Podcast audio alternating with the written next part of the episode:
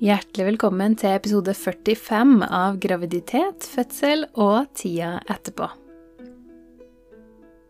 Mitt navn er Anette Hummel, og i dag har jeg med meg Silje Nikoline Runesdatter Kvalheim. Silje er mamma, kvinne, fødsel- og barselhjelper, Innate Postpartum Care Provider, seremoni- og kvinnesirkelfasilitator, skogsbadguide, livskunstner, danser, gründer, hjemmeskolemamma og community builder. Silje bruker sine dager med dattera i hagen og skogen til kreative aktiviteter, meningsfylte hjertemøter og arbeidet med og for å revolusjonere kvinners plass på vår moder jord. For øvrig så er hun lidenskapelig opptatt av traumer, kvinners helse og kvinners rettigheter, barns frihet og autonomi og sammenhengen mellom indre og ytre natur. I dagens episode så snakker jeg og Silje om nærende praksiser i barseltida. Hvordan du kan forberede deg til å ha en god barseltid, og hvordan du kan forberede dem rundt deg. Hjertelig velkommen hit, Silje. Tusen takk. Det, det temaet som vi skal snakke om i dag, er noen ting som jeg syns er veldig viktig, for det handler om barsel. Mm. Og hvordan vi kan ta vare på oss sjøl i den perioden. Mm. Det er en viktig tid. ja, veldig. Veldig. Det er liksom så fort gjort å forberede seg. Altså Man bruker liksom alt av forberedelse på fødselen, mm. og så glemmer man litt det som kommer etterpå. Har jeg i hvert fall opplevelsen av at mange gjør, da. Ja, og det er vel kanskje litt sånn man kollektivt blir liksom, holdt jeg på å si, trent opp til å forberede seg òg, da. At man liksom, det er det som er den store, det store kappløpet, holdt jeg på å si. Og så eh, er det jo veldig mange som opplever det at når man da sitter der med barnet i fanget, liksom, så er det på en måte den perioden der som egentlig former veldig mye av eh, ja, tida man har foran seg da, og det ja, opplevelsen man sitter igjen med, egentlig. Ja, ikke sant. Mm. Kan ikke du starte med å fortelle litt om deg og din bakgrunn? Ja um, Altså, for meg er det litt sånn før og etter jeg ble mamma. det tror jeg det er for veldig mange. ja. Så, ja, så før jeg ble mamma, så jobba jeg som kunstner med dans. Jeg jobba frilans uh, med dans og undervisning og ja, kunstprosjekter. Mm. Eh, og så ble jeg mamma, og så eh, Ja, jeg starta for så vidt med hundelufting i, det, i den barselperioden. Jeg var jo helt, eh, helt ignorant på det selv. Eh, så jeg hadde bare sånn Ja, jeg skal ikke sitte på kafé og, og sippe kaffe, liksom. Jeg skal ut i skogen og, og liksom eh, ha med meg Bertha på, på, ryggen, liksom. Så det eh, Så jeg starta sånn hundeluftfirma, da. Eh, når jeg var gravid. Og så hadde jeg med meg hun på jobb eh, halvannet år. Ja, wow. Um, og så, etter ca. halvannet år, så gikk jeg skikkelig på snørra. Mm. Um, altså jeg, jeg, gikk for så vidt jeg hadde, jeg hadde, jo en ganske sånn Eller altså jeg hadde en traumatisk fødsel som jeg opplevde som et overgrep. Uh, og det tok meg ganske lang tid å forstå uh, omfanget av det. Um, så det var egentlig ikke før jeg både liksom slutta å amme da, og og at datteren min var deltid i barnehagen, at jeg begynte å få kapasitet til å uh, møte den opplevelsen. Mm.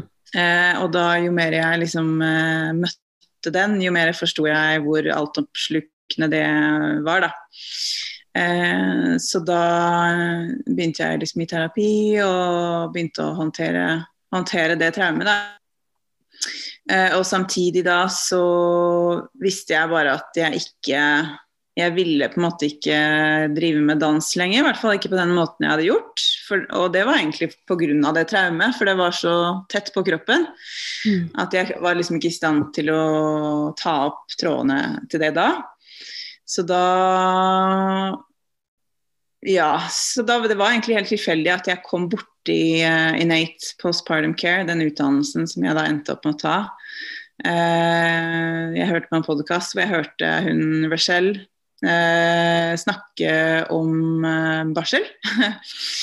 Og da bare Hva skal jeg si? Det var liksom første personen i, rundt meg som, jeg liksom, som klarte å sette ord på opplevelsen min. Da, for jeg klarte jo ikke helt det selv da. Så det, da, da begynte jeg på den utdannelsen som gikk over ca. et år. Eh, som jo liksom handler om tradisjonelle måter vi kan ta hånd om barselkvinner på. Da. Både sånn fellesskapelig, holdt jeg på å si, eh, og, altså, og egen praksis. Eh, så hele den reisen var ganske sånn helende. Eh, og det arbeidet liksom tvinga, tvinga meg til å holdt jeg på å si, forstå da, at jeg måtte snakke ut om min opplevelse og liksom ta tak i det, det arbeidet. Da. Så det gjorde liksom at jeg skifta egentlig skifta veldig retning i livet, da. Så det har jo blitt et veldig annet liv nå enn det det var. På alle måter, egentlig. Både profesjonelt og personlig, og hvordan vi lever på alle måter, egentlig. Ja. ja det kan jeg tenke meg. Det er jo en, er jo en stor omveltning når man, når man, oppdager sånne her ting i livet, eh, opplever jeg. At man um, at du, det går på en måte ikke an at det bare endrer én del av livet ditt. Det tar gjerne med seg hele, hele skredet, på en måte. Ja, så det, det, var jo på en måte det det var, at det blei sånn skred som bare hele ja, så Man går jo liksom og vasser rundt i driten, for å si det rett ut, ganske lenge da, før man begynner å ta tak i noen tråder som, mm. eh, som liksom er å nøste opp en ny vei. da. Ja. Mm. Wow. Wow. Så, så, all respekt til de kvinnene som uh, prøver å navigere i det barselrommet der. For det, det, er utfordrende nok som det er, uansett hva slags fødselsopplevelse man har, egentlig. Så er det ganske altoppslukende, en altoppslukende tilværelse som kan være ganske overveldende og, og uh, ja, det er ganske mye. Ja, både, både, med og uten pandemi. Ja, ja, ja. Herregud. Mm. Mm. Ja. Eh, og det er, jo, det er, jo, akkurat eh, det med barsel vi skal snakke om i dag, og vi skal snakke om nærende praksiser i barseltida. Så det er jo litt det som du nevner, at du, um, at du havna litt inni med den utdannelsen som du tok. Mm. Eh, hvorfor det, hvorfor syns du at det er viktig at man fokuserer på de her nærende praksisene? Eh, altså, jeg tenker jo at eh, Fødsel og barsel det er en så stor omveltning i en kvinnes liv og i hennes kropp og liksom sjelereise at eh, det, det, i, i, Mexico sier de at uh, i barseltiden står en kvinne med én fot i himmelen og én fot i helvete. Mm. Wow. Uh, og nå fikk jeg frysninger. ja, og det mener jeg at det er veldig riktig. Og vi har visse biologiske behov i barseltida. Og vi har ganske mange sosiale behov og følelsesmessige behov. Vi har veldig mange behov, nye behov, gamle behov og i det hele tatt, som vi prøver å dekke, da. Eh, og at en kvinne liksom får næring eh, når hun gir så mye næring, er på en måte helt grunnleggende for hennes langvarige helse. Så det er jo et, egentlig å se helse eh, ut ifra et kvinnelig ståsted, da. Og at eh, som kvinne så er det å føde barn og, og barseltida helt fundamentale tider av en kvinnes liv. Sånn at det, det er på en måte en tid som eh, har en, et utrolig potensial for Eh, for å bedre, bedre ens helse og forandre på livet og liksom sette ting i nye perspektiver og nye verdier og alt mulig sånn her. Samtidig så er det også en tid hvor vi kan gå helt til grunne, ikke sant? for vi bare gir og gir og gir og gir og gir, og gir, og gir, og så får vi ikke noe påfyll. Mm. Så det er jo noe med å ikke normalisere det som egentlig er sykt. For selv om det er normalt så er det ikke riktig. Det er ikke riktig at en kvinne skal sitte i månedsvis eller årevis til og med og være helt utsulta på næring fordi at vi ikke har noe støtteapparat og ikke egentlig vet hva det er vi mangler engang. Fordi det ligger så utrolig mange generasjoner tilbake, og kanskje aldri i vår kultur, at det har eksistert engang. Men så er det jo også steder på jorda hvor det, hvor det eksisterer, og hvor man har praksiser. Og da både liksom profesjonelt, og, men også liksom i de eh, holdt jeg på å si, mindre miljøene rundt kvinnen. Da, ikke sant? Hvor, hvor, samfunnet rundt henne også vet på en måte hva en mamma trenger. Mm. Som er levende kulturer i dag òg. Så vi har jo på en måte eh, vi, kan, vi, kan, rette blikket eh, eh, steder hvor det er aktive, levende miljøer da, som enda husker den kunnskapen. Ja. Så ja, så Det er jo fordi at det, det, det, spiller en rolle. Altså Det er på en måte Det er rett, det er, det er rett, det er rett og rimelig at en, at en, skal kunne få næring når en bare gir næring. Vi på en måte driver hele verden på, måte, på våre skuldre som mødre. Det er rett og rimelig å kunne be om støtte eh, og få det. Eh, så det er liksom noe med en sånn eh, livsrett, da, på en måte, i, liksom, hvis man ser det i et sånn natur, naturperspektiv. At uh, det må være liksom en balanse i, i, tingene, da. Ja. Og så har det noe å si for kvinnens helse, og kvinnens helse har noe å si for barnets helse, og barnets helse har noe å si for familiens helse, og familiens helse har noe å si for verdens helse. Ja. Sånn at vi begynner vi kan først begynne å snakke om helse når vi snakker om mammaer. Ja, ikke sant. Og likevel så er kvinnehelse så underprioritert. ah, ja. Men det, er, ja. Ja, det, må jo, det, må jo, ses, det må jo ses og forstås i et eh, liksom, historisk perspektiv. ikke sant? Mm. Vi landa på en måte ikke på jorda i dag. Vi kvinner har jo hatt masse jobb med å komme oss hit vi står her nå. Ja. Det er ikke liksom Ja, vi må fremdeles kjempe for den retten det er å være kvinne, da. Mm, absolutt. Og eh, bare sånn at vi er, vi er, enige om hva vi snakker om her. Når du snakker om næring, eh, så eh, tror jeg at du snakker om mer enn en mat og næringsstoffer fra mat. Stemmer det? Ja, ja, så, eh, ikke sant. Så, så når, vi, når, jeg følger kvinner i graviditet eh, og sånn, så er jo det der å planlegge barseltida eh, vel så vesentlig som å planlegge fødsel. Mm. For hvor mye kan man egentlig planlegge en fødsel, eller sånn. Men en barseltid, den kan man, eh, den kan man planlegge. Eh, ikke hvordan man føler seg og, og, sånn, men man kan legge en god del ting til rette da, for at man får en viss støtte og oppfølging. Mm. Og nærende praksiser, det vil egentlig si et, helt, altså et fullt spektrum da, av næring til mor, altså fysisk, følelsesmessig, sjelelig, eh, eh, kroppslig. Liksom, vi skal på en måte forsøke å skape en, et, et nett rundt mor og hennes familie som nærer henne i den tida, da. Ja, ikke sant. Nettopp. Og eh, kan, du, kan, du, nevne litt sånn spesifikke ting? Hvilke nærende praksiser kan man gjøre i denne perioden? Hva vil på en måte gi næring? Um, det kan jeg. Jeg har bare først lyst til å liksom si at for, å, for, å, på en måte forstå da, hva, hva, som gir næring, så må vi på en måte se hvor mor liksom er hen når hun er i barseltida. Hva på en måte er de biologiske prosessene og sånn. Mm. Sånn at når vi snakker om graviditet og fødsel, så snakker vi liksom om en veldig sånn full og varmende tid. ikke sant? Vi, vi har masse blod i kroppen, og vi har masse progesteron i kroppen, og vi er liksom fulle. Vi har, vi, vi har full mage, vi bærer et barn, og vi liksom blir fullere og fullere på, på alle måter. da. Så det er liksom, og det, det, det, er liksom mye aktivitet i kroppen som skaper varme, ikke sant? som skaper mm. sirkulasjon. Så da kaller vi det på en måte en varm Det er liksom en varm tid, da, hvis jeg kan si det sånn. Ja.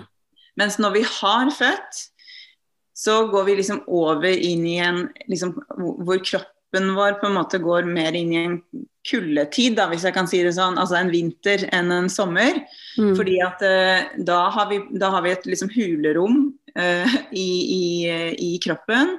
Vi ammer. Vi er egentlig utslitt, uh, de fleste av oss, etter et maraton som vi egentlig ikke har fått henta oss inn etter, for vi går rett inn i mammalivet. Mamma Eh, og så har vi et nervesystem som er biologisk rigga til å være våkent fordi vi har en liten baby som skal overleve. på en måte. Og ofte er vi alene, som gjør nervesystemet enda mer sårbart. Mm. Eh, eh, og så har vi kanskje ikke tid til å spise, så vi sitter bare og ammer. Det er veldig mange ting som gjør at vi er tappa for energi. Og når vi er tappa for energi, så har vi lite sirkulasjon. Og da er, blir vi liksom kalde, da, sånn som man kaller det på en måte i ayurveda eller i kinesisk medisin. Sånn at eh, man, eh, man, man, man, befinner seg på et sted som på en måte er tappa, da, eller kaldt, da, kan vi si. Mm. Eh, så det vi ser liksom eh, spredt over hele verden, egentlig, er jo at de nærende praksisenes felles, eh, felles trekk, da, det er liksom å tilføre mor varme. Så det er liksom varme både at mor holder seg varm, altså sånn fysisk. Jeg kler på meg, de har på meg sokker, ikke sant? at jeg, jeg ikke går ba bar. Eh, men at, men at kroppen holder seg varm, og også at man tilfører varme inn i kroppen gjennom ulike praksiser som jeg kan fortelle mer om. Og varmende mat, men også en varmende atmosfære. ikke sant? For mor føler seg jo også ensom ofte, og sant, alene og kanskje deprimert. Eh, og det også er en, på en måte en kald eller veldig sånn eh, nedadgående eh, følelse. da, Så vi prøver liksom på mange ulike måter å tilføre den omsorgen. Da. Så Det er derfor det på en måte er omsorgsbasert mor-til-mor-omsorg. Mm. Eh, fordi at det er, den, det er, den, kjærligheten som ligger i det. ikke sant? Det, berøringen som på en måte gir varmen, da. Og kontakten. Ja, mm. nettopp. Mm. Så eh, hvis vi liksom uh, tar utgangspunkt i eh, noen av de tingene som, som jeg pleier å anbefale, da. Ja, gjerne. Um, for det er jo mange ting man egentlig kan gjøre. ja. det, men, men, en av de tingene som er kanskje sånn mest virkningsfullt da, for mange, tror jeg, eller som jeg i hvert fall tenker at mange kan ha glede av, det er jo steaming. Mm. Uh, så steaming, det er jo liksom at man altså Sånn enkelt fortalt, så koker man opp vann, og så setter man seg over det vannet som da er varmt. Så den dampen stiger opp igjennom bekkenet. Uh, og det kan man liksom, Hvordan man rigger til det, kan man gjøre på mange ulike måter. Men man kan lage seg en krakk og, og liksom, uh, lage et hull i krakken. Eller man kan sette seg på noen mursteiner, eller man kan sette seg over en gryte. Det er mange forskjellige måter å gjøre det. Uh, men så pakker man seg da inn, ikke sant? sånn at du lager en sånn minisauna på en måte. Fra liksom bekken, bekkenet eller livet da, ikke sant? og ned over kjelen. Så, det, så du du, du skaper liksom et mikroklima eh, for kroppen. Eh, så, det, så det, det, gjør jo at du får uh, varme, altså du blir varm i bekkenet. Og det har egentlig en rekke positive uh, virkninger, da. Uh, men, men Kort fortalt så liksom hjelper det egentlig kroppen å liksom trekke seg tilbake eh, etter fødsel. Og liksom skape sirkulasjon og eh, forløse ting som liksom eh, skal ut. Og det hjelper livmoren å trekke seg sammen igjen. Eh, og det gir også liksom en forløsning av oksytocin eh, i kroppen det som jeg tenker er det aller viktigste ved å stime, det er at man gjenoppretter en kontakt eh, mellom kropp og bekken. Fordi veldig mange kvinner etter fødsel eh, sliter med den kontakten. sånn at de Det kan jo vare livet ut, ikke sant. altså At det plutselig er en sånn normal. Da, at liksom Nei, jeg klarer ikke å liksom, At man ikke klarer å relatere seg til somatisk bekkenet sitt, eller at man ikke har gode, en liksom god følelse i bekkenet og underlivet lenger, eller at man ikke klarer å slappe av når man elsker. Det kan være tusen ting som det eh, liksom eh, får som følger. da. Mm. Men ved å, ved å liksom trekke damp og varme liksom inn i bekkenet, da, så har vi liksom en mulighet til å bare sitte der og oppleve liksom eh, at det er godt i bekkenet. At det er ja. godt i underlivet. Mm. Og det, det i seg selv er liksom en veldig sånn helende opplevelse. For da har vi jo på en måte ekspandert i, i så stor grad at det, det tar tid, ikke sant. Og ja, eller altså det, det, det, trekker seg jo aldri tilbake igjen som det var, men at det på en måte Vi skal liksom begynne å forholde oss til bekkenet og underlivet på en annen måte enn før. Så den, den, det føles jo på en måte som en sånn kjærlig Det føles som kjærlighet da, inn i, inn i bekkenet og underlivet, kan du si. Ja. Um, Absolutt. Og det, jeg, jeg kjenner det igjen sjøl også, for jeg har brukt en del eh, damping, vaginal damping, eh, tidligere. Og jeg har brukt det bl.a. etter spontanabort, og har opplevd det som veldig, helt ekstremt helende. mm, Det har vært så fantastisk, og jeg gleder meg til å bruke det etter fødsel. mm. Mm. det, det er jo på en måte egentlig noe man kan bruke altså så lenge man har ehm, man, Vi sier at liksom man skal ikke hvis man er rett etter fødsel, hvis man fremdeles blør veldig sånn kraftig rødt blod, så skal man liksom vente til eh, Ja, man, man kan kanskje si det kort fortalt at man er ferdig med å blø etter fødsel, da. Ja. Eh, for å gjøre det enkelt. Eh, så det er på en måte en praksis man kan ha eh, Ja, det kan man gjøre en gang i uka eller, eller oftere.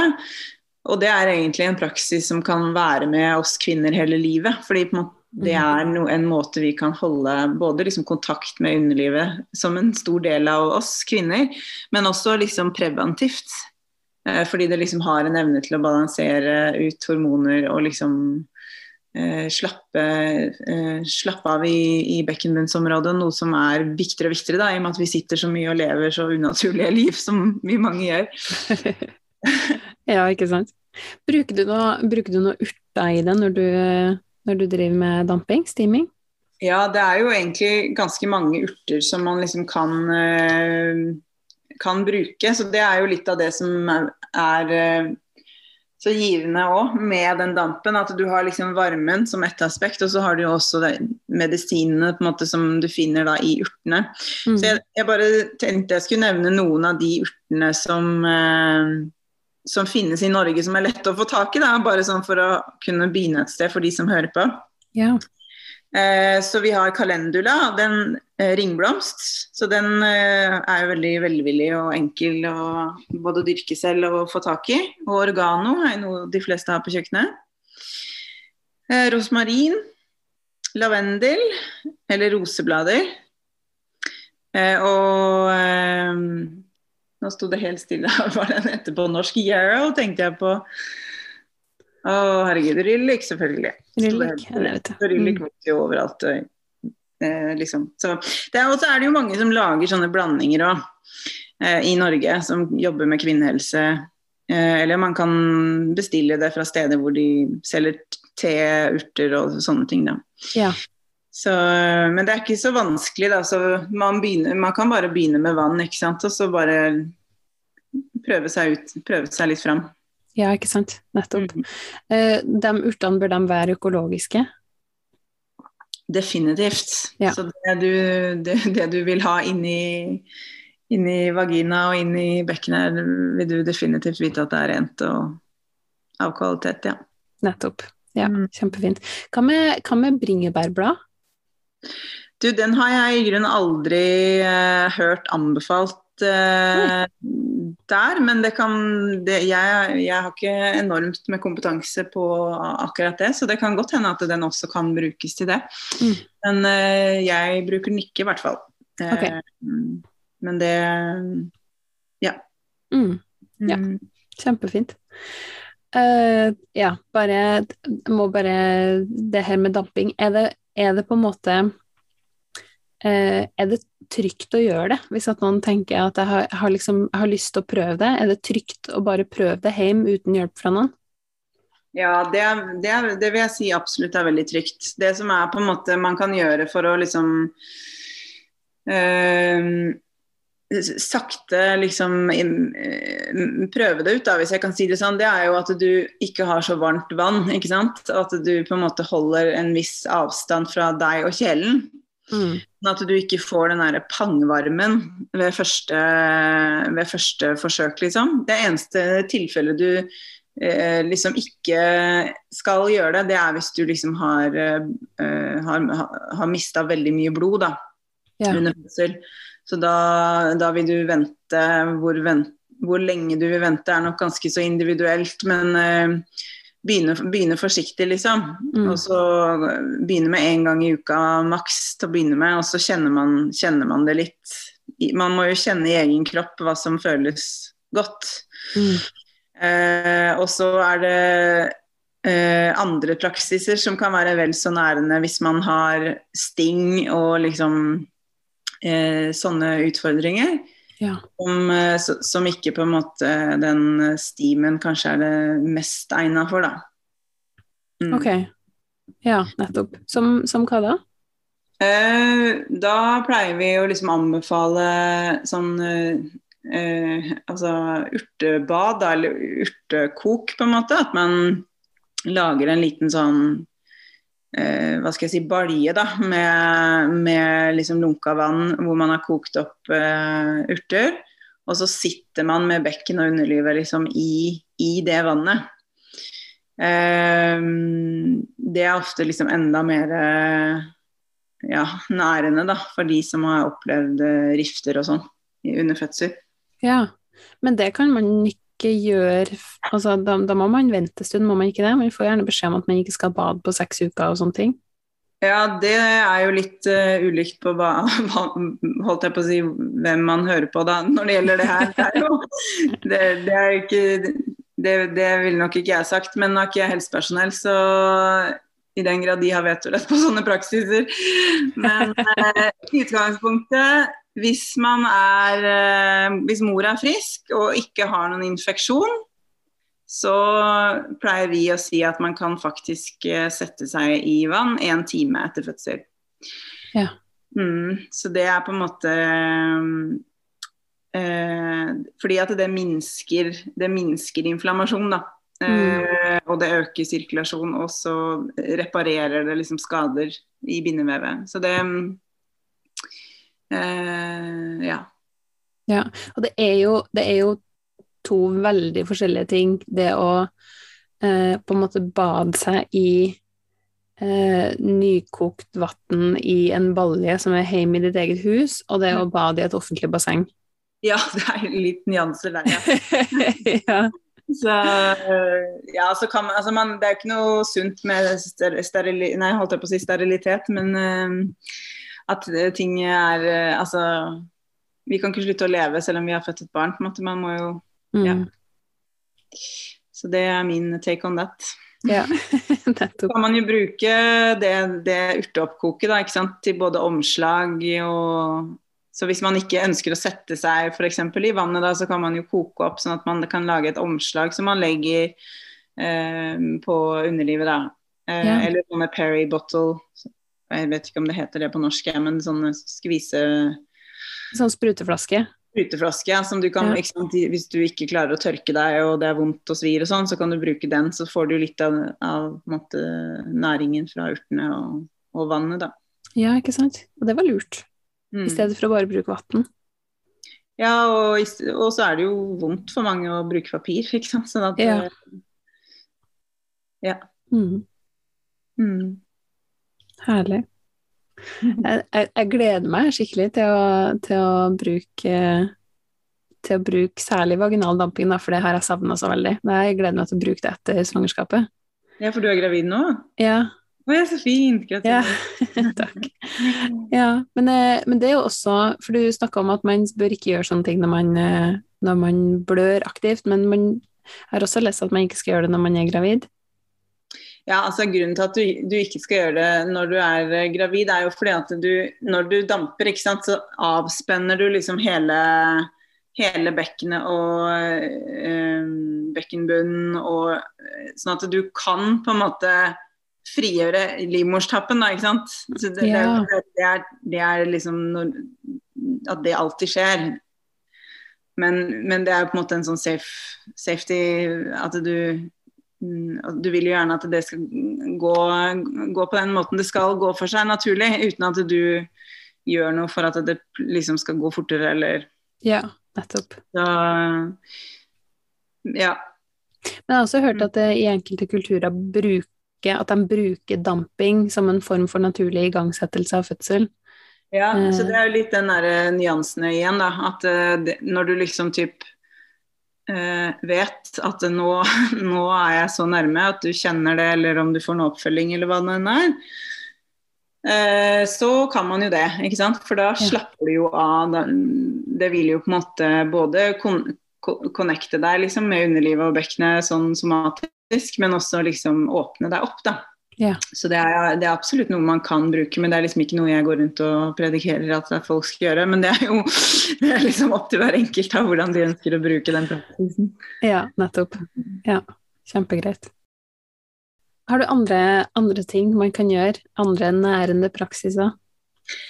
Ja, det er jo mye man kan gjøre. Det som jeg tenker at er litt uh, viktig å presisere, da, er jo det at uh, det er jo en grunn til at man uh, liksom ønsker seg et community i barseltida, fordi at det, det er jo begrensa ofte hvor mye mor orker å gjøre. ikke sant? Mm. Og Det er der den planlegginga kommer inn. at Hvordan kan vi egentlig skape oss et støtteapparat uh, i den tida. Sånn at man ikke heller føler seg dust, liksom, fordi at man ikke orker. Ja, jeg vet jo hvor bra det er med steaming, så går det seks uker og du har ikke steama en eneste gang fordi at du har ikke overskuddet til det. Ja. Fordi at eh, du har ikke overskudd til noe annet enn å amme. Mm. Eh, sånn at det er litt viktig å presisere, syns jeg, da, at uh, det kan være fint å ha tenkt igjennom det, liksom. Uh, sånn omfattende. hvordan, hvordan, man skal egentlig få til de tingene man kunne tenke seg å gjøre, da. Ja. Når det er sagt, så er det jo ikke verre heller enn å koke, koke litt vann og sette seg over. Bare sånn at det, det, er, det er, jo mange nyanser her. Mm. Um, men, um, men, det som jeg også hadde lyst til å nevne, da, det var jo uh, olje og olje. Olje i kroppen. Og det tenker jeg jo er Altså olje er liksom noe av vår tids mest misforståtte uh, Mest misforståtte ting, i hvert fall i forhold til barsel, uh, barseltid. Fordi at uh, når vi ammer, sant, så mister vi så enormt mye fett. Så at for å utvikle barnets, barnets altså hjerne, så trekker jo de fettet liksom rett og slett ut fra hjernen til mor. Og det er det som skaper eh, depresjon. ikke sant? Det, det, er rett og slett det at man ikke har fett i hodet til mor, som gjør at man blir så utmatta, så sover man ikke. Spiser man kanskje ikke, og så blir man deprimert. Så det er på en måte det, det, det, å få i seg olje, det er i hvert fall noe jeg snakker veldig høyt og tydelig om, hvor viktig det er. Både sånn å spise olje. Eh, mange gjerne liksom to spiseskjeer til hvert måltid, og vel så det. I noen kulturer drikker de jo liksom et lite glass, ikke sant. Olje til hvert måltid. Eh, men også det å tilføre kroppen olje. Eh, så så den vanligste oljen jeg anbefaler i, i barseltida, det er jo sesamolje, for det er på en måte en nøytral uh, olje. Uh, man kan også bruke olivenolje eller olje som er liksom lagt med urter. Sånn som jeg selger f.eks. johannesurtolje, som er utrolig nærende da, i barseltida. Um, men det man gjør med oljepraksis, da, det er jo at man smører hele kroppen med olje, gjerne flere ganger i uka. Og da er liksom hensikten uh, Fordi at huden vår er liksom vårt største organ. Du trekker inn veldig mye olje i kroppen din ved å tilføre huden din olje. Og spesielt når man da også er liksom eh, kald og eh, tom. Og i tillegg kanskje det er vinter ute i, eh, her i nord. Så er det på en måte det å få i seg fett det er veldig viktig. Uh, så da kan vi på en måte, hvis jeg bare går sakte igjennom hvordan man på en måte gjør det, da. Ja, så tar man eh, olje på hendene, og så begynner man liksom øverst på, i hodebunnen. Og så jobber man seg liksom nedover kroppen.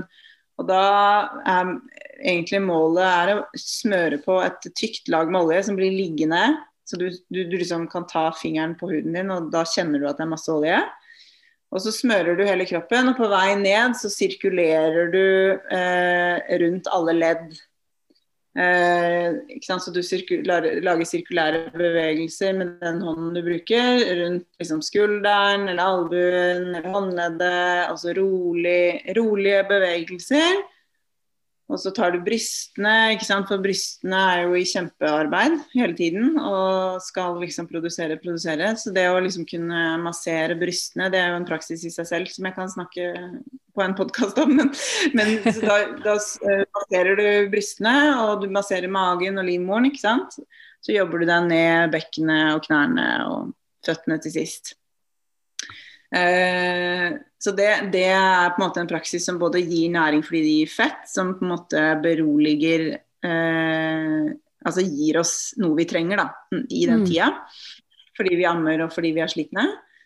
Eh, men så har det også en veldig sånn eh, Det roer nervesystemet. fordi at når du tilfører kroppen eh, fett, så roer det ned nervesystemet, fordi cellene blir liksom inkapsulert av olje. Noe som liksom skaper en litt mer sånn elastisitet. da. Noe som vi sikkert kan kjenne oss igjen i at det er litt vanskelig å ha så veldig mye elastisitet når man er barselmamma. Um, og så er det jo også det der med å Det å liksom ta på seg selv. Mm. Det er på en måte, ikke sant, det er veldig sånn Det er, det er en kjærlighet i det. Um, og næring i det. Og noe som på en måte holder oss i kroppen, da. For det er jo det som kan være litt vanskelig for mange. Og det å liksom eh, rette fokuset inn i egen kropp når man har et barn som krever fokuset hele tiden.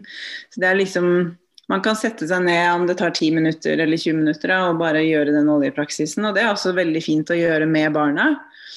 For barn trenger også veldig mye fett når de har så mye utvikling i hjernen. Eh, så smøre barna når de er små, etter hvert så syns de jo kanskje det er fint å smøre seg sjøl også. Så det er liksom en måte hvor vi kan rett og slett gi oss sjøl litt kjærlighet og, og berøring. Ja. Mm. Men sånn rent, eh, rent, praktisk, jeg bare ser for meg at jeg står på badet, og så har jeg smurt inn hele kroppen min med et tjukt lag med olje. Mm. Og så står jeg der da full av olje. Ja. Hva gjør jeg da, på en måte? Ja, det, folk gjør det litt forskjellig, da. Jeg er på en måte så uh, Jeg har alltid lyst på olje. Kroppen min har alltid lyst på olje. Så det tar liksom ikke så lang tid før kroppen min har liksom sugd til seg det tjukke laget, da. Ja. Så da har jeg på en måte en sånn morgenkåpe eller en uh, pysj eller bukse eller et eller annet som jeg liksom bruker til det. Mm. Så når jeg har olje hjemme, så tar jeg på meg det, og så når det har trukket mer inn, liksom, så tar jeg på meg noen andre klær eller hva det er jeg skal. da. Ja. Men det er heller ikke noe galt i å liksom dusje. ikke sant? Sånn at, eh, men det er veldig fint å kunne liksom da smøre seg, gå med det på i liksom en halvtime eller noe, og så dusje, da. Ja, nettopp. Mm. Sånn at du, litt av det trekker inn i kroppen. Ja. Men da, da er det òg uh, sesamolje, som du nevnte i stad, du anbefaler, eller er det noe annet? Ja, jeg vil anbefale sesamolje sånn uh, generelt. Og så bruker man jo det man har. Men du kan si at når du skal olje hele kroppen i ganske store mengder, da, mm så kjøper du deg ikke en sånn bitte liten 100 ml på helsekost, på en måte. Da kjøper du deg gjerne en liter, ikke sant, eller noe. Ja. Olivenolje eller sesamolje økologisk. sånn at mm. du, hvis du vet at du ønsker deg den praksisen, og, og, du kjenner at det gir deg noe, da. Altså jeg bruker jo det som en praksis enda. Ja. Så det er liksom noe som jeg gjør regelmessig for å roe ned nervesystemet, da. Mm. Det er veldig sånn eh, veldig, veldig næringsrikt og helsebringende, egentlig. Ja. ja, ikke sant. Ja, for du får jo også den der selvberøringa som du snakka om i stad, sånn selvmassasje. Det er jo en sånn uh, veldig Opplever jeg sjøl i hvert fall at det er en sånn Det er en så veldig sånn uh, kjærlighetserklæring til deg sjøl.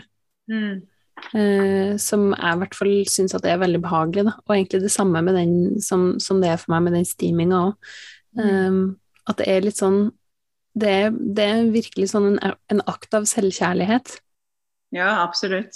Mm. Og det er jo ofte det er jo ofte lettere for oss mange ganger ikke sant, å oppsøke andre til å gi, gi oss berøring eller, eh, eller, hjelp. Og det er ikke noe feil med det, for det trenger vi absolutt, og, og også i barseltida. Men, men, det å liksom kunne ja, gi oss sjøl noe, da. Det er liksom en viktig del av, uh, av den helende reisen, da. Og det er jo mm. også noe man kan gjøre med partner. ikke sant? De fleste, jeg skal ikke si de fleste, for det er kanskje ikke riktig, men mange har jo glede av å motta massasje. Uh, og det er jo det å gjøre den praksisen der, da trenger du heller liksom ikke å være god til å massere, da, ikke sant? Eller kjenne liksom etter hvor, eh, hva som funker og ikke. Man trenger egentlig bare å stryke stryke liksom oljen, smøre den ut, og så mm. liksom litt sirkulære bevegelser, og det klarer alle med litt øvelse. Så det er også en veldig sånn god eh, ja, god praksis å kunne dele med en partner, da, og, og, og, etter hvert gi til hverandre også, da. Mm. Ja. ja. det er jo kjempefint. Mm. Er, det, er, det, flere måter at man kan inkludere partner på i nærende praksiser i barseltida? Uh, ja, altså Det første jeg liksom tenker på der, da, det er litt sånn i lys av det vi snakker om, da, hvor viktig det er med berøring. For det er jo, ikke sant, for en kvinne som har båret barn ikke sant, i ni måneder, og så født barnet, og så ammer ikke sant? Det er en veldig sånn eh, symbiose der mellom mor og barn som kan være Det kan jo være litt utfordrende for menn å få ta del i den verden. Og liksom litt krevende å forstå hvordan man på en måte kan være en del av det, da. Mm. Selv om det er jo kjempeviktig. Eh, og det som jeg tror er litt viktig å liksom belyse da, det er jo på en måte den endringen sant, som foregår for mor, som er så altomfattende. Eh, og en av de tingene som på en måte gjør noe med vår følelse av oss sjøl og identitet, det er jo underlivet ikke sant, for kvinner. Og liksom hvordan vi klarer sjøl å forholde oss til underlivet, og hvordan vi liksom kjenner underlivet vårt somatisk om vi føler at det er et skambelagt sted, om det er ødelagt, eller om det er eh, kjennes godt og varmt ut, eller. Det er på en måte en sånn opplevelse vi har inni oss, da. Mm. Og det tenker jeg at er en veldig viktig det, det, er en sånn veldig sårbart Det er noe som er veldig sårbart i det, og det er også en åpning for partneren til å liksom møte kvinnen da på en litt annen måte. Mm. Så der vi liksom før kanskje liksom ikke sant, hadde en Eh, ja, hva skal jeg si eh, mer frihet eller åpenhet eller ikke sant. At når man elsker og at det er liksom Nå er det på en måte helt andre vilkår ikke sant, når man er i barseltida.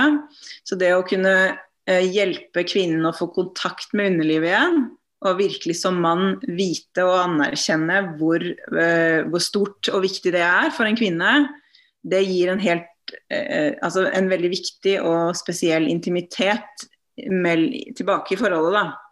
Sånn at mannen også kan altså involvere seg i den helingsprosessen og den reisen som mor har gjort, mm. ved å liksom opprette den uh, kontakten igjen da, med hennes underliv. Og da mener jeg noe så enkelt som å bare berøre hennes underliv med håndflaten.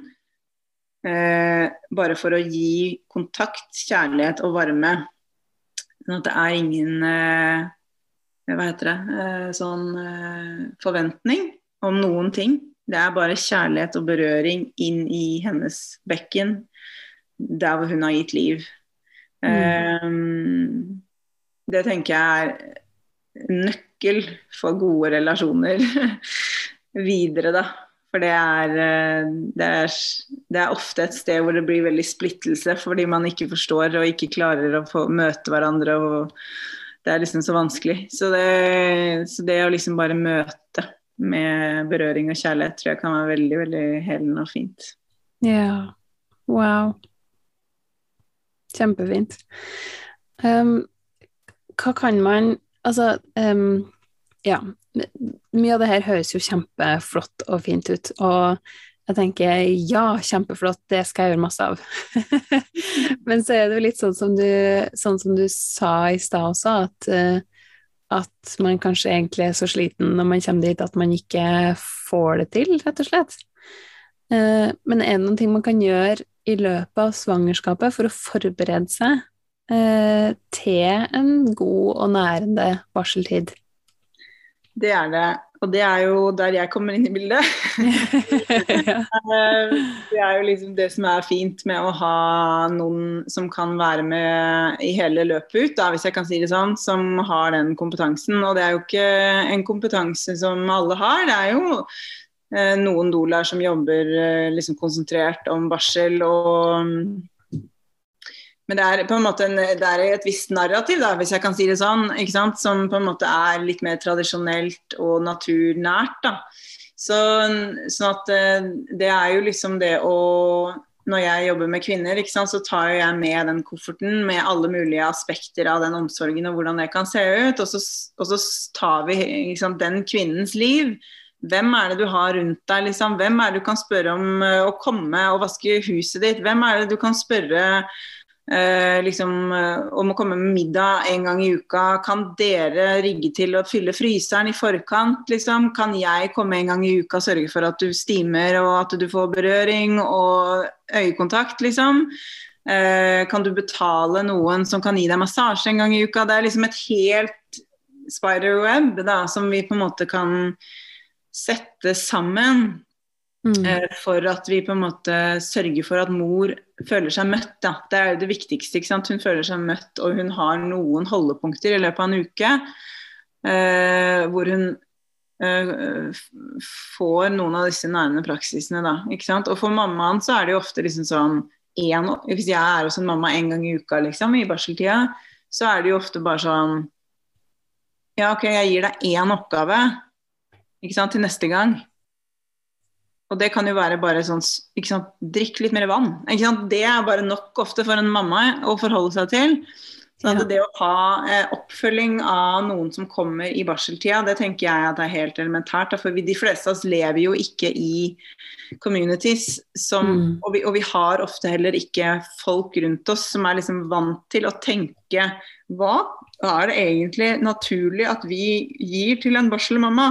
Og det er jo litt av den jobben jeg gjør òg, å rett og slett lære opp miljøene rundt mammaene. Ikke sant? Så jeg holder jo på en måte sånne kurs hvor man på en måte kan Hvis du er gravid da, og, og, og du har lyst på en god barseltid, ok, men da kan jeg holde et kurs for deg og de menneskene du har rundt deg. Mm. Sånn at de lærer hva det er du egentlig biologisk trenger. For du kan ikke gjøre det alene. Nei. Det er ikke, det er ikke, det er, vi er ikke rigga til å skulle sitte der alene. Det er på en måte bare helt unaturlig. Mm. Eh, sånn at vi på en måte skal, vi, vi, gjør det vi kan for å skape med alle de verktøyene vi har da, i ditt liv og med min kompetanse, som gjør at vi på en måte kan skape det best mulig for deg. Da. Ja, ikke sant. Og det er jo ikke, det er jo ikke enkelt nødvendigvis, det som du beskriver nå, å på en måte eh, altså, For det første, det å på en måte tenke ut ok, hvem har jeg rundt meg som jeg kan spørre om å komme og vaske huset mitt? Og for det andre, det å faktisk spørre om mm. den personen kan komme og vaske huset mitt. Mm. Og det er jo det som er viktigheten av å tenke på dette her før du sitter her. Ja. For når du sitter her, så har du ikke kapasitet og heller ikke overskuddet. Sånn at eh, det er jo på en måte Og det tenker jeg jo er litt av, litt av den derre um, jobben som vi kvinner har som som er bærere av liv, da. At eh, hvis ikke vi liksom, Hvis ikke vi sier hva vi trenger, så er det ingen andre som Vi kan ikke forvente at de leser uh, tankene våre. Og det er på en måte en til, Man kan liksom velge å se på det som en tillitserklæring. Jeg spør deg fordi jeg er trygg på å ha deg i mitt nærmiljø liksom, i den tida. Kan du, kunne du tenke deg å gjort det? Mm. Så kan man, man kan jo ikke det blir jo heller ikke riktig å anta at den du spør vil oppleve det belastende, for det er det ikke sikkert at vedkommende gjør. Kanskje Nei. vedkommende tenker å det var hyggelig å få lov å være en del av den tida, og det er jo virkelig en helt fantastisk gave å få være en del av den blomstringa der. Som, det er bare sånn ja, fødsel er helt rått å være med på, men det er virkelig helt sånn Ja. Helt spesielt å få være med gjennom barseltida, altså. Mm. Og det tror jeg at eh, vi, vi som mødre, da, kan på en måte Og, og pappa og familien, liksom, som, som venter. At man kan ta det som uh, en oppgave, da. Ikke sant? At ok, dette her finnes ikke. Folk tenker ikke sånn rundt oss. Da kan vi gjøre noe med det ved å spørre om det. Og det er sånn man liksom endrer folks uh, tanker rundt det òg. Ja, ikke sant? Nettopp. Ja. Det er, det er jo du, du har jo helt rett, jeg er jo helt enig i det du sier. Men det føles jo likevel vanskelig. Ja. Det er vanskelig å be om ting. Det er Ja. vanskelig å sette ord på egne behov. Mm. Eh, men så er det kanskje Det er kanskje ingen tidspunkt i livet der det er viktigere Mm. Enn akkurat når man er gravid og skal føde og er i barseltid. Mm. Ja, det er jo litt av det som på en måte er det som er litt ålreit med å ha noen som kommer og legger fram, hvis jeg kan si det sånn, de biologiske behovene på bordet, da, ikke sant? For, å, for å begynne å snakke om hva er det som egentlig er dine behov. Mm. Hva, hva, og så er det jo på en måte OK, dette kan jeg betale noen for.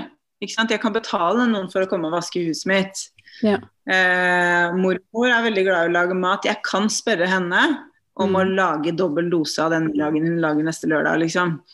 Det, er, det, er- det er også snakk om å ha noen å spille med på å finne, finne de ulike løsningene for deg. Da. For, det, for det er det som er på en måte litt av det som er viktig, er å finne eh, et eh, bærekraftig eh, en, en bærekraftighet da, i den tida. Og det, og det er ikke én person, ikke sant? men det er, det er, det er mange.